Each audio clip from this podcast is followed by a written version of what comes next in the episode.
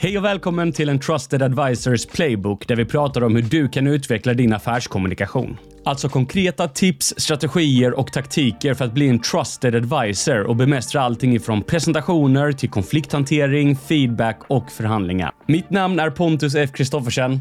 Enjoy! I den här Micromasterclassen ska vi prata om samtalsmetoden som är en game changer för trusted advisors. Alltså för experter och konsulter som är ute på uppdrag eller för dig som har en kundnära position, typ en CSM. Och jag kommer berätta om några vanliga misstag och ineffektiva strategier och vad vi har sett är oerhört effektivt för att driva mer och större affärer. Kollar vi bara på marknaden idag så ser vi att den har blivit allt mer konkurrensutsatt, framförallt om vi kollar på kundtjänster inom eh, IT eller ekonomiska tjänster. Företag måste skilja sig från konkurrenterna, inte bara genom sina tjänster eller att ha eh, specialiserad kompetens, utan också genom hur de interagerar med och förstår sina kunder. Så kundförväntningarna de har förändrats. Kunder söker inte bara expertis längre, utan de söker en partner som förstår deras specifika behov och som kan erbjuda skräddarsydda lösningar. Ytliga kundrelationer de leder inte längre till långsiktiga affärer, utan det finns ett växande behov av att bygga djupare och mer meningsfulla relationer med sina kunder. Vi har märkt att det finns en tendens att kolla på de här siffrorna, alltså sina säljsiffror och så vidare, och så drar man slutsatsen att för att vi ska kunna få till en ordentlig tillväxt så behöver vi bli säljtunga och så behöver vi rekrytera fler säljare. Men det tar ofta lång tid att både hitta rätt, anställa och onboarda nya säljare innan de börjar leverera. Och även efter ett år när säljarna förhoppningsvis har börjat leverera så leder det ofta till det jag kallar för timglaseffekten. Och det betyder att ni får igång fler kundsamtal och leads ni får fler affärer, men sen så är det få av kunderna som stannar kvar och ännu färre som förstorar och förlänger relationen. Vilket betyder att tratten är stor i början, men den är lika stor i andra änden. En anledning till att många ändå väljer att ta den här vägen att rekrytera fler säljare, det är att vi ofta mäter resultatet från vår marknadsföring och sälj på antal leads och antal nya affärer. Men så glömmer vi en fundamental sanning som är att det är fem gånger så dyrt att få in en ny kund jämfört med att behålla en nuvarande kund. Och att öka er kundbehållning med så lite som 5% kan öka er vinst med någonstans mellan 25 och 95 en trend som vi har sett de senaste åren, att de må många av de framgångsrika organisationerna gör, det är att de utbildar sina medarbetare i ett ramverk för att bygga förtroendestarka kundrelationer och ett proaktivt säljdriv eller ett affärsdriv.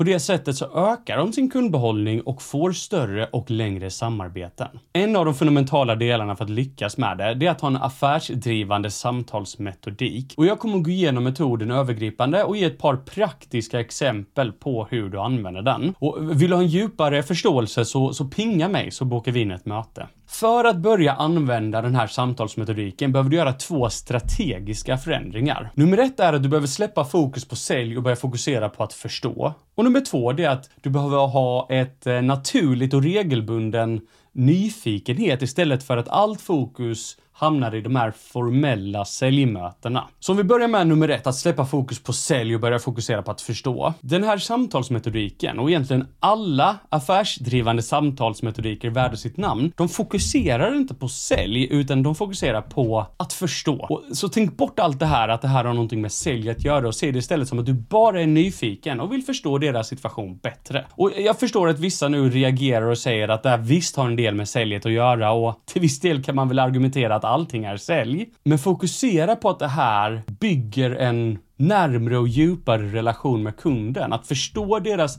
ambitioner och utmaningar bättre. Den andra delen då, att ha en naturlig nyfikenhet istället för att lägga all tid eller allt fokus och alla frågor i ett formellt säljmöte, så rekommenderar jag att du skapar ett frågebatteri med frågor som försöker förstå kundens affärsmodell, marknadsutmaningar, drivkrafter och key initiatives eller fokusområden. Och istället för att spara alla de här frågorna till det här formella säljmötet så kan du på ett naturligt sätt strössla in frågor under projektet och regelbundet förstå mer och mer. För på det sättet så fördjupar du din relation med kunden regelbundet och du visar intresse för dem. vilket alla gillar. Och du kan börja använda flera av de här insikterna redan i det projektet som du är ute i just nu. F får du till exempel reda på att eh, det här företaget du är ute på har ett key initiativ eller ett fokus på organisk tillväxt, då kan du börja berätta hur ditt nuvarande projekt och det ni gör leder till just organisk tillväxt. Bara den här förändringen kommer påverka ert samarbete positivt. För även ifall det är självklart för dig hur det du gör bidrar till den här organiska tillväxten så är det inte säkert att den är tydlig för dem. Och det kan vara så att den inte är tydlig för dig heller, för du kan jobba med någonting som är ganska långt bort från resultatet. Men mitt bästa sätt att göra det här på nu, det, det är egentligen bara att fråga ChatGPT. Jag jobbar med ett företag som har det här Key-initiativet och det jag gör i mitt projekt är det här. Hur kommer mitt projekt påverka deras key-initiativ att växa organiskt? Ställer du den frågan så kommer eh, ChatGPT spotta ut kanske fem olika sätt som det du gör bidrar till deras fokusområde. Alla kommer inte vara perfekta, men du kan välja ut något av dem och då har du ett argument där du lite då kan strössla in också att eh, men det, det som är intressant är att när vi gör på det här sättet så kommer det leda till och så kan du få in ett snyggt resonemang om hur det du gör leder till den här organiska tillväxten. Okej, okay, så eh, vi kollar på ett par eh, frågor för att göra det här mer praktiskt. Så här är sex frågor som jag tycker du kan strössla in för att få den här effekten att visa dig genuint nyfiken, men du får också reda på vilka affärsmöjligheter som finns. Vad brukar vara utmanande för er när det kommer till någonting som är relaterat till det du jobbar med? De gångerna det har gått bra, hur gick det till? Berätta om gånger det gick dåligt, vad hände? Vad ledde det till? Hur påverkar det här ett KPI, till exempel debiteringsgrad? Vilka frustrationer upplever du på grund av det här? Hur tror du att detta skulle förbättra ditt teams prestation? Du kan behöva tweaka om de här lite såklart, för hela poängen är att det ska inte kännas som att det här är ett säljmöte, så kom ihåg, det är inte meningen att ställa de här direkt efter varandra under ett samtal, för då kommer det leda till att det, det känns som det här säljmötet. Men om du bara väljer ett par av de här och strösslar in lite då och då, kan vara så här, du, eh, har du någon gång funderat på hur det vi gör här, hur det påverkar er debiteringsgrad? Det behöver liksom inte låta så formellt utan du kan bara kasta in det ibland. Och då blir det bara en intressant diskussion. Men du får lite mer förståelse för hur du kan hjälpa dem hela tiden. Så ställ en eller två frågor lite då och då så kommer du märka hur du fördjupar er relation mer och mer hela tiden. Den andra delen utöver frågorna som är det här skulle jag säga är den skillnaden som verkligen skiljer proffsen åt. För vad de gör det är att de accepterar inte bara det första svaret utan de fördjupar svaren med ett par strategier. Och det här är viktigt för tänk till exempel när du lite slentrianmässigt får frågan hur är läget? Så svarar du det är bra. Men hur ofta har du gjort det när det faktiskt är lite halvdåligt? Det har varit lite körigt hemma, du är lite krasslig. Vi alla har gjort det. Alltså det är lite av en social kod att vi bara svarar det är bra. Men det här betyder också att vi har ofta ett autosvar på väldigt många av våra frågor vi får och det är inte den informationen vi vill åt. Om någon i det här fallet hade ställt frågan “Det verkar vara något du tänker på” så kommer ofta sanningen fram. Alltså istället för bara säga hur läget är bra och acceptera det så kan man säga det känns som att det är någonting som du tänker på. Där så kommer de öppna upp sig. Ofta sitter de riktiga svaren en fråga djupare. Så istället för att bara säga vad brukar vara utmanande för er när det kommer till det här? Så lägger du till ett steg för att fördjupa deras svar. Och jag gillar att använda mig av tre olika formuleringar. Antingen kan vi säga någonting i stil med det låter som att X är viktigt för er. Eller det låter som att ni har dåliga erfarenheter av Y. Har jag helt fel om jag säger att X begränsar er tillväxt? Skulle du säga att Y kan förbättras igenom?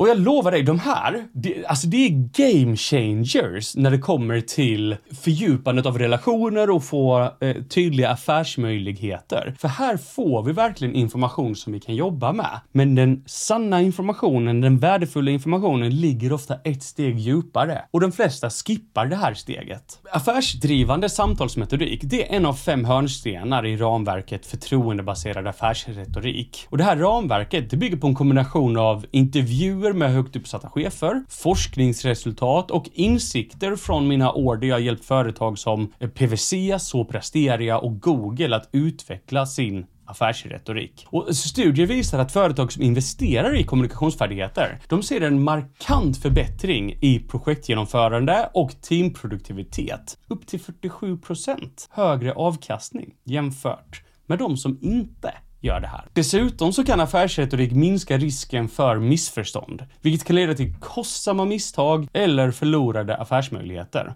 Det fanns en undersökning som rapporterade att 89% av affärsledare, de tycker att starka kommunikativa färdigheter är avgörande för företagets framgång, vilket understryker att förmågan att kunna kommunicera klart och övertygande, det inte bara skyddar utan förstärker företagets värde. Och det här, det är inte bara en fråga om att förbättra presentationsteknik, utan det handlar om att skapa en kultur där varje medarbetare kan argumentera för, övertyga och påverka beslut som leder till konkreta affärsresultat. Eh, det, det finns en studie från Google som heter Project Oxygen. Den avslöjar att de mest värdefulla medarbetarna, det är inte de som alltid har de mest tekniska färdigheterna, utan de som kunde kommunicera effektivt och arbeta väl i team. Så som jag sa inledningsvis, kundförväntningar, de har förändrats. Kunder söker inte bara expertis, utan de söker en partner som förstår deras specifika behov och kan erbjuda skräddarsydda lösningar. Ytliga kundrelationer leder inte längre till långsiktiga affärer. Det finns ett växande behov av att bygga djupare och mer meningsfulla relationer med sina kunder. Så kom ihåg att släpp fokus på sälj och börja fokusera på att förstå kunderna. Och ställ frågor regelbundet som en naturlig nyfikenhet istället för att spara alla frågor till ett formellt säljmöte. Så du kan ställa affärsskrivande frågor och fördjupa svaren med formuleringar som “Det låter som att”, “Har jag helt fel om jag säger”, “Skulle du säga att?” Så det var allt för det här avsnittet. Testa tipsen. Lägg märke till hur bra de fungerar och kom ihåg att förtroende, det är valutan för framgångsrik